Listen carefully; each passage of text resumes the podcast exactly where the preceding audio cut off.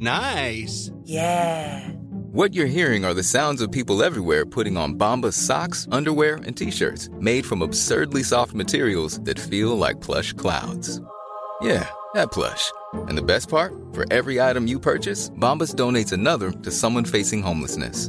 Bombas. Big comfort for everyone. Go to bombas.com slash ACAST and use code ACAST for 20% off your first purchase. That's bombas.com slash ACAST. Code ACAST. I'm Sandra, and I'm just the professional your small business was looking for. But you didn't hire me because you didn't use LinkedIn jobs. LinkedIn has professionals you can't find anywhere else, including those who aren't actively looking for a new job but might be open to the perfect role, like me. In a given month, over 70% of LinkedIn users don't visit other leading job sites. So if you're not looking on LinkedIn, you'll miss out on great candidates like Sandra. Start hiring professionals like a professional. Post your free job on linkedin.com/people today. When you're ready to pop the question, the last thing you want to do is second guess the ring. At Bluenile.com, you can design a one of a kind ring with the ease and convenience of shopping online. Choose your diamond and setting. When you find the one, you'll get it delivered right to your door. Go to Bluenile.com and use promo code LISTEN to get $50 off your purchase of $500 or more. That's code LISTEN at Bluenile.com for $50 off your purchase. Bluenile.com code LISTEN.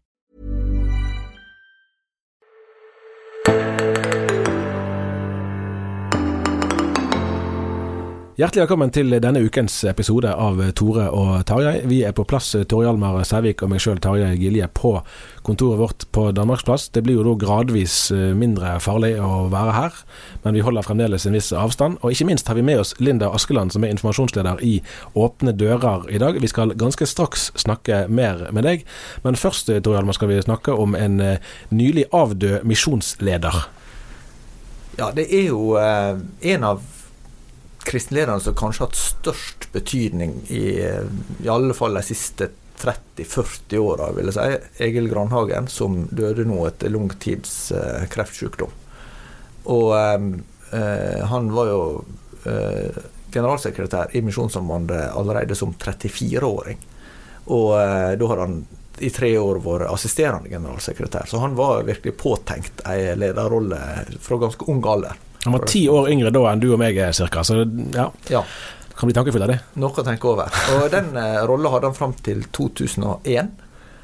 Altså fra 82 sant, til 2001. Ja. Ja. Så det er jo et eh, ganske langt, eh, langt eh, strekk, da. Og på den tiden hadde vel Misjonssambandet sikkert et par hundre utsendinger. eh, konkret. Nå er det vel drøyt 100. Ja. Eh, det var sikkert minst 200 i hans eh, tid. Det ble opprettet nye misjonsfelt. I tillegg til at det var selvfølgelig, som det har vært veldig lenge, et omfattende arbeid her eh, i landet. Så han, på en måte så kan du kanskje si at dette er Ja, det kanskje vi kan si at det er den siste høvdingen, da. Eh, Det var jo liksom en, en sjargong man brukte om misjonslederne før i tiden. Han var ikke en autoritær type, men Selv om han var faktisk eh, befal for ja, Det var han jo. og Hans bror, var- Kjell Granaken, som døde i fjor, vel, var jo sjef for etterretningstjenesten i, eh, i Forsvaret. Faren deres var offiser, eh, og Egil òg hadde offisers, eller i hvert fall befalsutdannelse. Så det er riktig, det. Det var orden i sakene. Men- Men, men et Hendro- mildt menneske likevel. Ja, jeg, jeg husker han var faktisk en av de første jeg intervjua som eh, journalist. Det var på generalforsamlinga til NLM i Ålesund i år 2000, så det er Ja. 20 år siden. Riktig. Så det var, eh, det var virkelig en mann eh, med et mildt og imøtekommende vesen, vil jeg si. Og det er jo godt for en fersk journalist å møte ledere i en sånn posisjon som, som ja, Sånn er det ikke alltid. Møte, det er ikke alltid en, en eh, blir mindre nervøs av å møte en, en, skal intervjue. Men eh, du har jo drevet og lest en del om eh, Granhagen sitt liv og sin tjeneste nå. Hva du merker deg særlig med han som, som person, og det han har vært med på? Nei, Det er noen fascinerende trekk med det som du var innom i sted, i, i forløpet. da, At han er altså påtenkt som generalsekretær i en ganske svær organisasjon allerede når han er i slutten av 20-årene av hovedstyret. Eh, Som, som eh, ansatte han som assisterende generalsekretær, og både da daværende generalsekretær og han sjøl var innforstått med at dette var et løp som var lagt. På et tidspunkt fikk han beskjed av styret der nå skal du en tur til USA for å studere. Å ja, skal jeg det, ja. Det var opplegget, liksom. Eh, Så han gikk skolen, og, og, og han var jo ikke misjonær sjøl. Eh, men, men ja, for det, det har vært vanlig i Misjonssamband at en har hatt eh, ledere som skal Ja, og sånn er det jo i mange altså i, i Forsvaret. Sant? Skal du være forsvarssjef, så bør du på en måte ha gjort en del ting i Forsvaret sjøl for å ha troverdighet. Sant? Men han klarte likevel å vinne misjonsfolkets hjerter, og var både en, en smart analytiker, en klar eh, altså strateg, samtidig som han var en varm eh, forkynner. Og han så på seg sjøl mer som en praktiker enn som en teoretiker. Eh, var opptatt av hvordan, hvordan eh, misjonen skulle, skulle, vinne terreng. Var opptatt av kontekst. Man måtte ikke bare kopiere, det var, ikke bare oversette 'jeg vet på hvem jeg tror' av Wisløff og den, eh, sende den i posten liksom, til et fremmed land og tenke at den skulle gjøre sin virkning av seg sjøl. Man måtte ja, møte menneskene. For uh, lesere som, som, ikke kjenner til den boka, det tror jeg ikke er obligatorisk for å få lov til å lytte til dette programmet, så er jo det veldig kjent uh, truslære uh, ja. fra Carl Fredrik Wisløff som uh, var i mange år eh, professor på Menighetsfakultetet. Og som, eh, som Grandhagen kjente eh, godt eh, sjøl. Ja. Begrepet unådde folkeslag kommer mer eller mindre fra Grandhagen. Det er jo et begrep som er blitt ganske vanlig for mange seinere.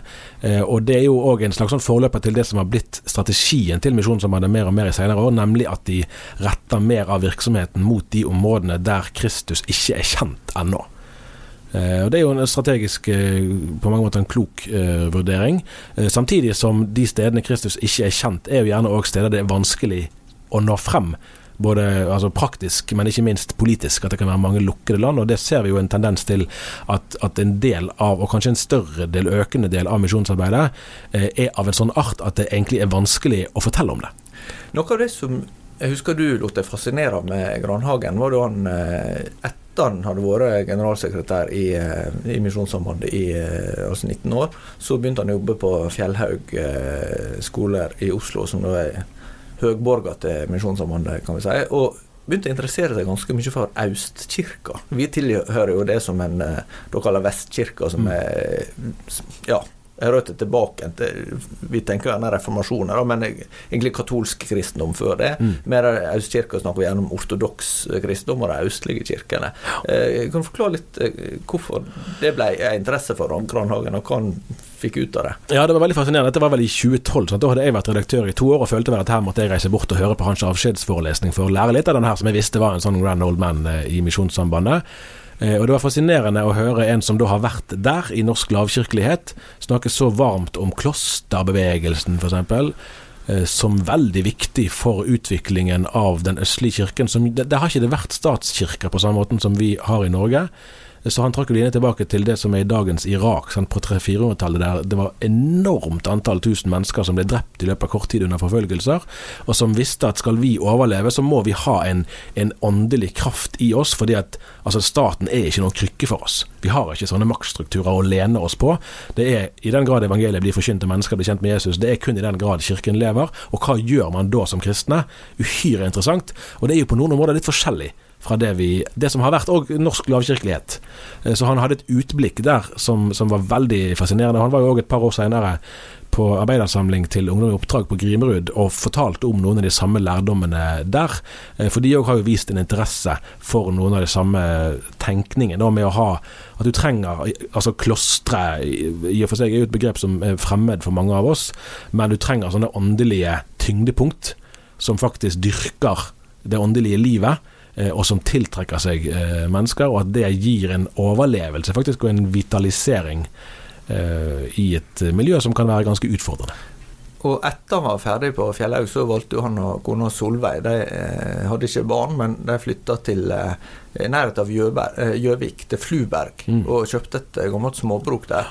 Og han fikk rett og slett bygd et eh, lite kapell med ikon av forskjellig, der de bl.a. hadde tidebønn. Eh, fast på mandager.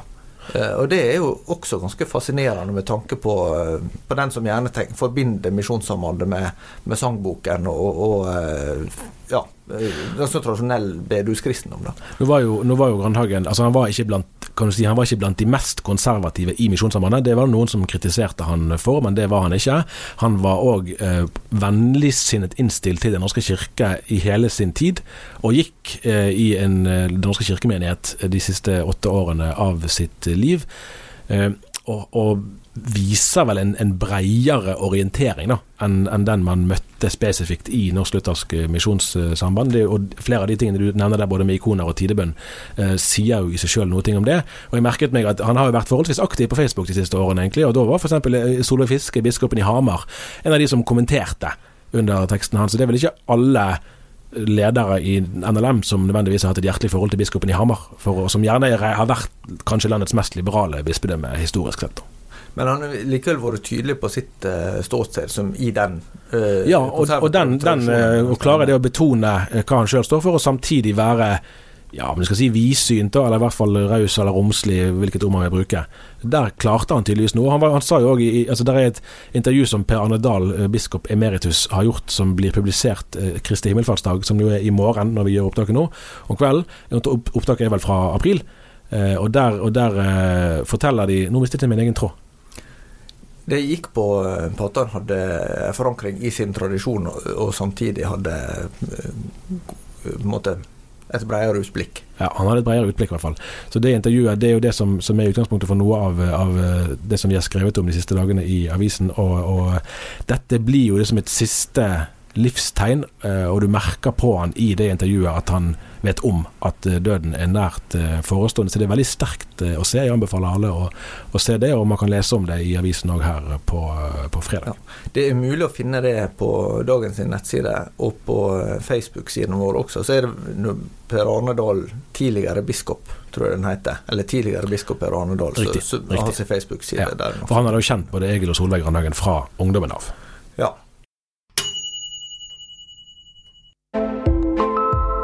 NLA-høgskolen gir vi deg utdanning med mening. Og samfunnet trenger både sannhetssøkende journalister, kloke pedagoger, etisk bevisste økonomer og musikere som berører. Sjekk ut NLA-høyskolens studietilbud på nla.no, eller besøk et av våre studiesteder i Bergen, Kristiansand eller Oslo. Da tror jeg vi går videre i programmet. Det gjør vi. Og eh, vi har altså med oss Linda Askeland fra eh, Åpne dører. Velkommen til deg. Takk for det. Åpne dører er en organisasjon som sikkert eh, mange som lytter til dette, har et forhold til, men de arbeider altså for å støtte forfulgte kristne rundt omkring i verden. Og dere har jo også fortalt at koronapandemien har påvirka hva utfordringer kristne kan stå overfor. Kan du si noe om det? Ja, det kan jeg si noe om. Det er jo klart at det vil være forskjellig fra kontinent til kontinent, fordi at forholdene er så ulike. Eh, men kanskje en av de tingene som er, si, er tøffest, det er mangel på mat. Og det gjelder jo flere enn de kristne. Eh, de som er nederst på rangstigen og har det vanskeligst fra før av, det er de som har det tøffest i denne perioden her også. Men det som er spesielt for de kristne mange plasser, det at de eh, ikke får nødhjelp nettopp fordi de er kristne. Så vi har fått flere tilbakemeldinger om at de kristne blir forbigått. Det kan være en familie i en liten landsby i Sentral-Asia. Batyr heter mannen. Jobber i en nabolandsby. Eneste kristne familien. Eh, karantene og ikke, kan ikke gå på jobb. Og så deler lokalmyndighetene ut mat til de som da er trengende. De får ikke for de kristne. Dette går igjen. Det går igjen i India, i Pakistan. I Pakistan og India kan de bli eh, pressa til å konvertere til islam eller hinduismen. Og i Kaduna i Nigeria f.eks., der vet vi at de kristne får ca. en sjettedel av rasjonen til andre innbyggere. Jeg så også fra uh, deres søsterorganisasjon, eller den greien av uh, Åpne dører som er i England, at uh, det var også eksempel på konspirasjonsteorier som rammer kristne. At en tenker mm. at det er kristne som er skyld at dette sprer seg. Ja da, og f.eks. på Afrikas Horn så er det Al Shabaab har gått ut med det, og, og det er jo klart at det øker og forsterker skepsisen og hatet mot de kristne som da i disse områdene allerede er litt på utsida av samfunnet. Hvis vi ser på det arbeidet som dere eh, driver i et sånn litt, litt større perspektiv, hva, hva, vil du si, du skal oppsummere, hva, hva er det det består av? Kan jeg bare si en ting til først? For rett før jeg kom hit, så leste jeg en rapport som bare greip meg sånn. Det var en pastorfamilie i India eh, som de hadde bestemt seg for at de ville ikke gå en langsom sultedød i møte, så de hadde bestemt seg for å ta livet sitt, hele familien. Men de fikk hjelp, heldigvis. Og vi har flere sånne eksempel. Pastorer, spesielt kanskje i India, har vi hørt mest om, da. Fattige pastorer. Det de lever av, det er det de får inn på gudstjenesten på søndagene. Og så er ikke det lov å samles. Så har de ingenting til seg og sin familie. Og så, ja. Så det jo, ligger jo oss veldig på hjertet å kunne hjelpe deg. Mm. Ja. Hva var det du spurte Nei, om? jeg, Jeg spurte hvis du skal uh, kort oppsummere hva Åpne dører sitt arbeid går ut på, hva er det dere skal bidra med? Mm. Vi skal bidra med generelt å styrke kirka og hjelpe kirka til å være kirke på de mørkeste plassene på jorda. Hvis du skal si det i ei setning. Og det kan bety mye forskjellig, sant? om det er i eh, Somalia, Afghanistan, om det er i Syria, om det er i Nigeria. Det ser veldig forskjellig ut. Behovene er forskjellige. Historien til Åpne dører begynte jo i 1955 med en nederlender som heter Andre van der Bill, eller kjent som eh, broder Andreas eh, blant støttespillerne til Åpne dører, som hadde ei folkevogn.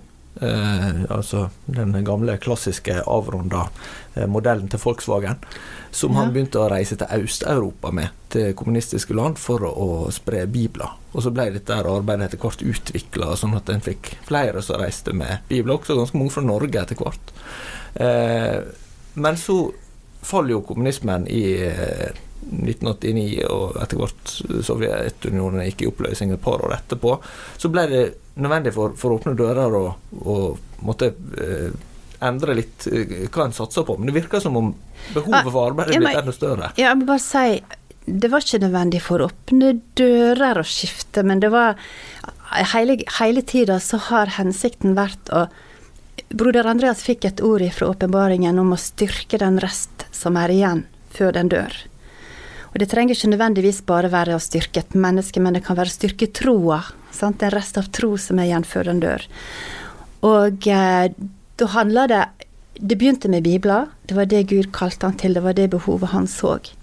Men etter hvert som verden har utvikla seg, og forfølgelsesbildet har forandra seg, så har arbeidet på en måte fulgt opp det, da. Ja. Ja, hvor, hvor mange land er det dere har arbeidet i eh, nå? 76 land skal det være nå. Ja, Der dere driver støttende virksomhet, eller inkluderer det også land som Norge og Nei, nei. andre europeiske Det, land? jeg tror det er 24 Vi kaller det development, altså som er, er støttende. Mm. Og så det er ca. 24 og 76 der vi er da field, som vi kaller det. Ja. Er det mulig å, å kategorisere dem på noen måte? Hva, Ja. sånn, hva type land er det snakk om? Eh, jeg, kan si kjapt de åtte forskjellige forfølgelsesdriverne som, som vi har. Det er da hinduisme, eller det, ofte så er det kobla til en slags religiøs nasjonalisme. Hinduisme og, og, og buddhisme. Islam. Eh, sekulær intoleranse. Som vi kanskje kan bare kjenne bitte litt av i Europa etter hvert. Eh, Det er organisert korrupsjon og kriminalitet, som f.eks. i Colombia, der jeg nettopp har vært sjøl. Det er etnisk fiendskap. Eh, Det også er der i Colombia og Somalia, f.eks. Ja, nå må vi se. Eh, Kommunistisk regime? Ja, kommunistisk regime, og så har du diktatorisk paranoia, som f.eks. Nord-Korea. Ja. Og kommunistisk så tenker en kan, kan f.eks. Cuba, Vietnam, Kina. Ja. Ja. ja. Mm. Eh, men er det noe fellestrekk eh, her, eh, på, selv om det er veldig sånn forskjellige land og forskjellige situasjoner, er det noe som likevel er likt? Som dere sier eh, felles for, for det at kristne opplever forfølgelse, hvordan den kommer til uttrykk, f.eks. Ja, altså det vil jo variere, f.eks. i et land som Iran, der myndighetene er den forfølgelsesdriv... Altså de som driver forfølgelsen. Og eh, Somalia, der det kanskje er familien og stammen som driver den, sant. Så det går litt på Ja. Altså, det som er felles, det er jo at man har friheten sin innskrenka. Eh, man kan ikke uttrykke sin tro fritt. Man, veldig mange er kanskje alene og kan bli forhindra av fellesskap med andre. Eh, men bildet er veldig sammensatt. Det er det. Når du nevner denne familien eksempel fra India i sted, som Ja. ikke, ikke, fikk, eh, ikke fikk ordentlig mat, eller ikke fikk så mye mat. Eh, hvordan opplever du og her, Dette er jo vanskelig å svare generelt på, sikkert, men, men myndighetene kan jo gripe et annet på ulike måter. De kan enten si at dette er urettferdig, her må vi gripe inn, eller det kan være myndigheten som står for det. Hvordan, eh, hvordan forholder åpne dører seg Altså Du har jo f.eks. sånn som Amnesty, sant? Som, som på en måte har noen ting som kan du si er beslektet virksomhet på andre områder. da men at man bekjemper urettferdighet, og gjerne overfor myndighetene sender brev til de osv. Gjør Åpne dører noe, noe altså utover dere politisk press f.eks. overfor myndigheter for å si at hei, her skjer det en urettferdighet, dette må dere ordne opp i? Ja, vi har en advocacy-avdeling. Eh, Så absolutt, vi, vi jobber på alle felt som vi kan jobbe på for å, å reise rettferdigheten. Så, så det gjør vi. Men det viktigste for oss, det er å styrke de kristne. Akkurat.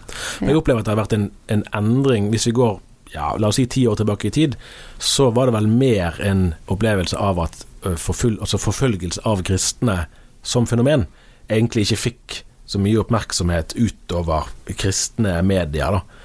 Eh, og jeg husker at, at Fagbladet Journalisten, som er det som eh, Norsk Journalistlag sitt, eh, sitt bransjeblad, hadde en stor reportasje for la oss si fem år siden, der de identifiserte en del stoffområder som åpenbart var underdekket. Altså Dette burde journalister skrive mer om. Og da var nettopp forfølgelse av kristne et område som de nevnte. Og, og jeg har et inntrykk av da at, at dette f.eks. òg tilbake når Jonas Gahr Støre ennå var utenriksminister, at det har vært en sånn gradvis endring. At ok, flere forstår at jo, dette er faktisk noe som, som fortjener en egen oppmerksomhet i tillegg til den generelle at man alltid er mot diskriminering og, og forfølgelse, men at her er det en type forfølgelse som har noen særtrekk. Men, men dette er sånn som jeg kan alltid ha inntrykk av spørsmålet, er jo vel så mye om dere som jobber med det, egentlig merker det. Til en viss grad merker vi det, men i forhold til omfanget og styrken, så er det altfor lite oppmerksomhet på det. Uh, vi har sett at f.eks. i Storbritannia har de, har de vist litt mer oppmerksomhet. Både, både kongen og statsministeren snakket om det i sin tale nå til jul, og Jeremy Hunt, som var utenriksminister nå i fjor, han også løfta det ganske høyt. da. Han viste til at rundt 80% av de som blir forfulgt for sin tro, og det er ikke Åpne dører sine tall, da, men 80% av de som blir forfulgt, er kristne. Riktig. Og jeg kan bare si, du snakket om for ti år siden eh, i, vi, vi har World Watch List, som er en kartlegging over, over dette. Ja, det er vel på en måte noe av det viktigste Åpne dører egentlig gjør, sånn på et stort plan, der man kan virkelig sette, sette Ja, en det å, det å kartlegge og ja. sette det på agendaen, der er World Watch List Ja. Mm. veldig viktig. Og det er kanskje den største undersøkelsen på dette feltet. Mm.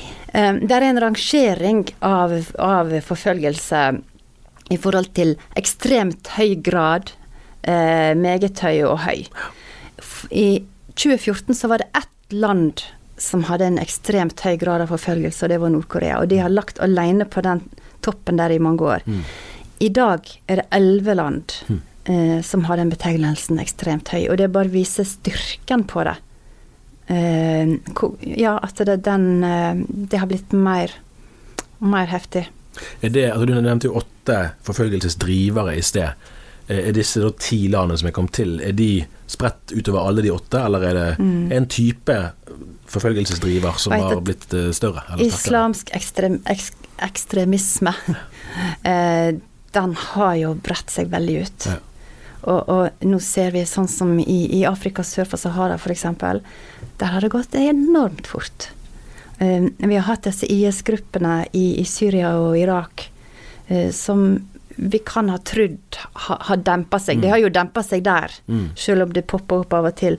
Men det har skjedd en forflytning til eh, sør for Sahara. Eh, hvis vi tar de på OL vår List består av 50 land.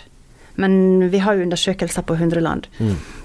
Så de, av de 22 neste landene, eh, så ligger 18 av de i Afrika sør for Sahara. Det er ganske mye. Og det tror jeg man har ikke vært Det begynner å bli oppmerksomhet på det nå. Men, men der bør man virkelig sette inn, for det har gått fort. Burkina Faso er et eksempel på det. Som jeg tror det lå på plass 61 i fjor. Og nå er det oppe på 20-tallet, tror jeg. Altså det har bare eksplodert. Eh, eh, da, kristne og muslimer har levd fredelig side om side, ca. 50-50 eller et eller annet sånt eh, prosent av befolkningen. Mm, Men nå, mm. nå er mange kristne redde for sin framtid i det landet.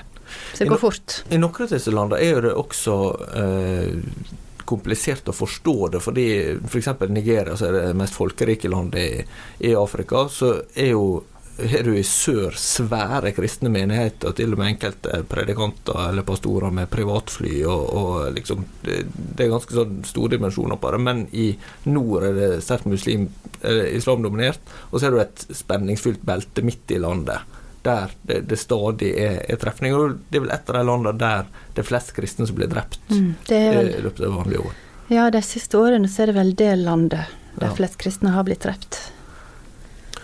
Når jeg begynte å høre om Åpne dører en eller annen gang i ungdommen, så, så var det Kina som, som, var en sånn verstingland. Gjerne sammen med, altså Sikkert ikke på samme nivå som Nord-Korea, men fordi det er så stort, så var det ofte trukket frem. Men så var det en periode der Kina var lenger nede på listene, mens nå er de egentlig ganske høyt oppe igjen. Man kan jo tenke at det har sammenheng med altså at, at Hu Jintao og, og, og Xi Jinping nå i nyere tid har strammet grepet og bygget opp en sterkere sentral makt. men det er jo ikke sikkert at det er det som er sammenhengen. Men, men hvordan analyserer dere det bildet? Eh, og Der er jo Kina så svært òg at det er mange ting som kan være sant samtidig på ulike steder. Altså Du kan ha stor forfølgelse i noen regioner, men ikke i andre regioner, f.eks. Mm. Ja da, det er flere som sier at du, alt du sier om Kina er sant. Det er så stort, og det er så mye som skjer. Men, eh, men altså, i februar 2018 så ble det iverksatt noen sovende religionslover. Mm. Det kan hende et annet navn på det, men, men ja. Uh, og siden den tid så har det gått veldig fort i Kina også. Uh, I fjor, altså ikke dette året, men året før, så var det 60% av kirkene i, i, den, uh, i den staten der huskirkebevegelsen, Henan-staten, mm. starta. 60% av mange tusen kirker ble stengt. Og det var sånn jeg tenkte dette kan ikke være sant. Så jeg spurte et ektepar som leder et stort misjonsarbeid i, USA, nei, i Kina. Jeg spurte de stemmer det at 60% av kirkene i Henan-staten er stengt. Yes, probably more, sa de. Hm. Kanskje flere. Men, og så sa de, la de til Men det betyr ikke at uh, kristendommen vil gå tilbake i Kina. Kanskje tvert imot. Ja. ja, for det er det jo en viss historie for. Ja, men så la hun til But there will be so much pain. Altså ja. rant tårene. Eh, mm. Ja, det er en viss historie for det. Og, og veldig mange av eh, historiene som utfordrer oss, som vi har i en del av bøkene våre, de mm. kommer fra Kina, og kinesiske pastorer som har sittet i fengsel. Og, og, kanskje nå i denne koronatiden kan det være relevant sant, for oss å hente noe av lærdommen derifra. Ja, Du nevnte det før vi begynte å ta opp her, at eh, dere tenker at dere har et dobbelt oppdrag. Det handler ikke bare om å hjelpe kristne til er vanskelig der, men det handler også om å formidle eh, inspirasjon ifra forfulgte kristne til kristne i Norge og andre vestlige land. Mm. Ja, for vi er ett legeme. Eh, og det som skjer med deg, har betydning for oss. Og det som skjer med oss, har betydning for deg. Mm. Um, det var ei som sa det, eh, hun er fra et land i, i, eh, i eh, Asia. Hun sa det at vi trenger en sterk kirke i Norge. Vi trenger at dere står fast på Guds ord, at dere er sterke for oss. Mm. Og så ber de for oss. Og jeg må bare si et sånt For der er nok av og til treffer du folk som sier noe på en sånn måte at det bare fester seg. Og, og en, en, professor fra Nigeria som jeg snakka med, han eh, professor Turaki, han sa det at eh, dere ber for oss, for vi er forfulgt, og det trenger vi. Men dere skal vite at vi ber for dere, for dere er forført. Mm. Og det handler litt om eh, Jeg veit ikke. Når vi har den friheten vi har, så kan vi gå i alle retninger. Vi har så mange valg. Vi har så masse vi kan gjøre.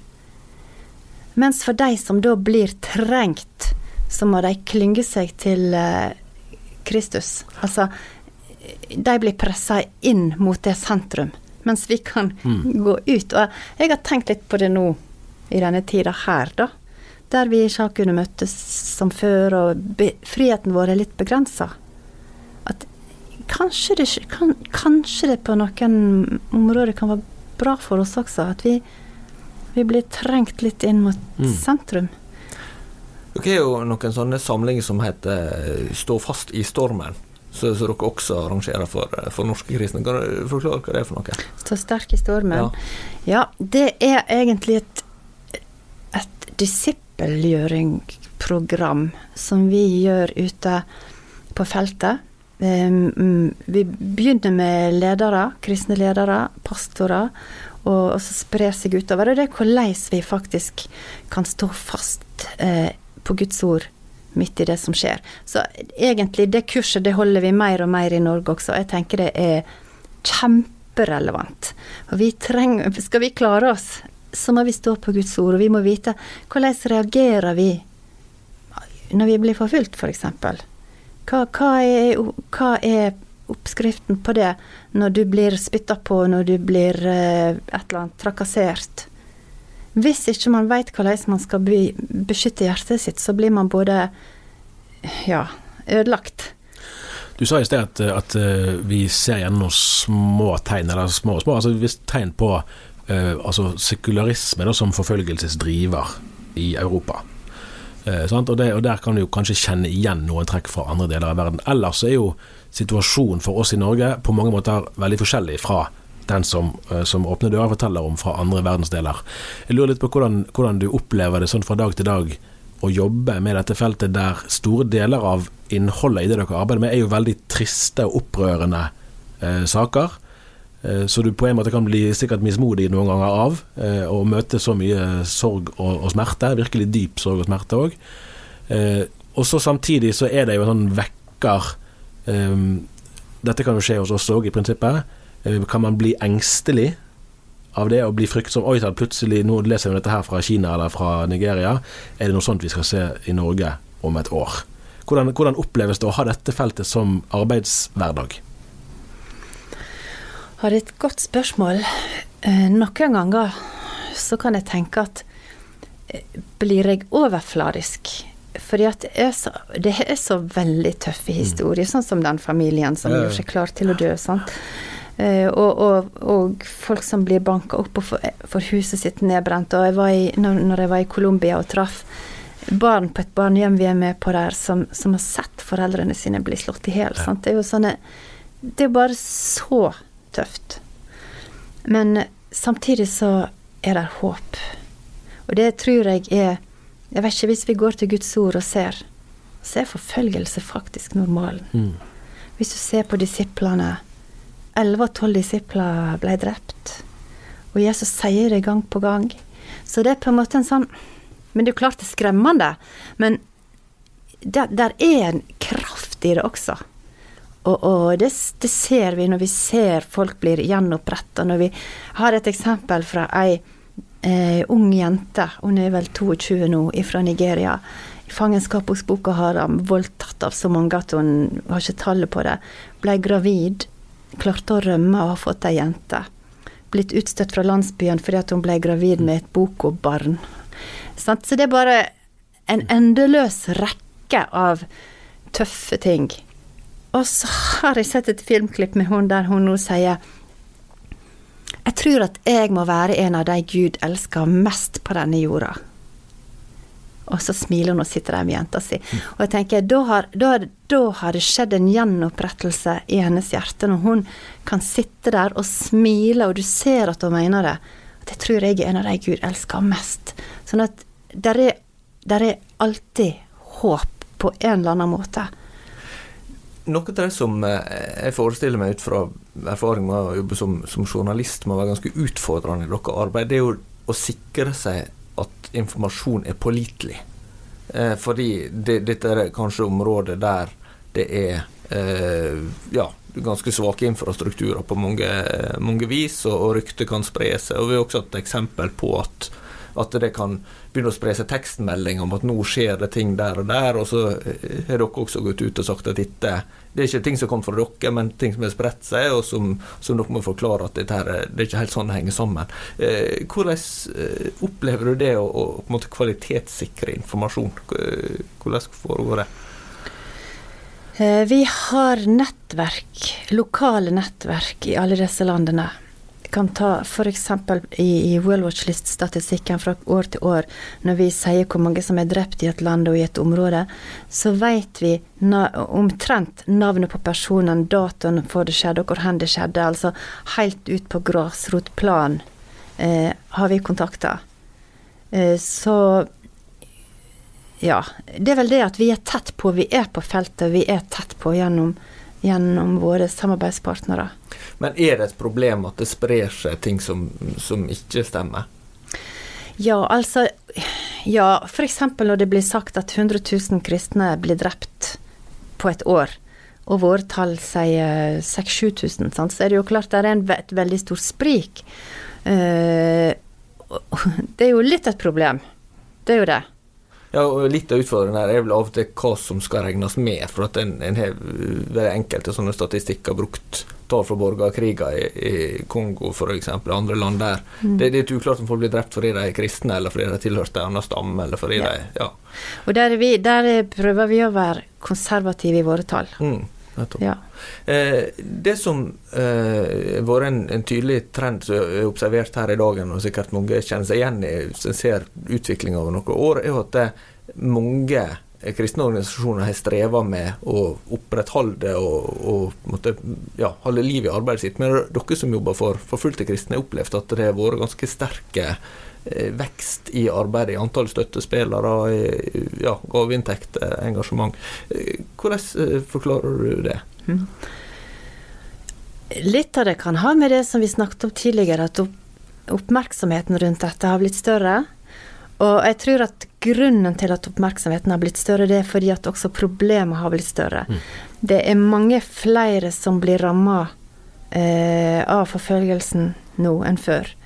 Bare fra i fjor til i år så økte det for de eh, 50 landene på World med 50 millioner. Eh, så, så det, det, er mange flere som trenger hjelp. Oppmerksomheten på det blir bedre, og kanskje det Kanskje vi også har bedre hjelpemiddel til å kommunisere det ut. Sant? At vi, vi, har mer eh, filmmateriale, vi har mer eh, historie. Og også det at vi får lov å komme rundt Jeg, jeg, jeg tror budskapet i seg sjøl også har betydning, faktisk. For det er et så sterkt budskap. Det går gjennom eh, død og liv, holdt på å si. Liv og død. Mm. Det er sterkt å høre på dette her. Det er det, og eh, vi sier takk for at du ville komme, Elin Daskeland. Eh, det er eh, ting som vi sikkert kommer tilbake til. Og, Helt sikkert. Og, eh, ja, eh, det blir jo arrangert sånne fakkeltog for forfulgte kristne, men det er vel framover høsten, regner jeg med. Ja. Mest. Det kunne jeg sagt mye om. Ja, det er dårlig årstid Jeg kan komme igjen til høsten. Ja, vi får si det sånn. Vi får si det sånn. Takk skal du ha, og vi høres igjen neste uke. Want flexibility? Take yoga. Want flexibility with your health insurance? Check out United Healthcare Insurance Plans. Underwritten by Golden Rule Insurance Company, they offer flexible, budget friendly medical, dental, and vision coverage that may be right for you. More at uh1.com. Hi, I'm Daniel, founder of Pretty Litter. Cats and cat owners deserve better than any old fashioned litter. That's why I teamed up with scientists and veterinarians to create Pretty Litter. Its innovative crystal formula has superior odor control and weighs up to 80% less than clay litter. Pretty Litter even monitors health by changing colors to help detect early signs of potential illness. It's the world's smartest kitty litter. Go to prettylitter.com and use code ACAST for 20% off your first order and a free cat toy. Terms and conditions apply. See site for details. Even when we're on a budget, we still deserve nice things. Quince is a place to scoop up stunning high end goods for 50 to 80% less than similar brands. They have buttery soft cashmere sweaters starting at $50 luxurious Italian leather bags, and so much more.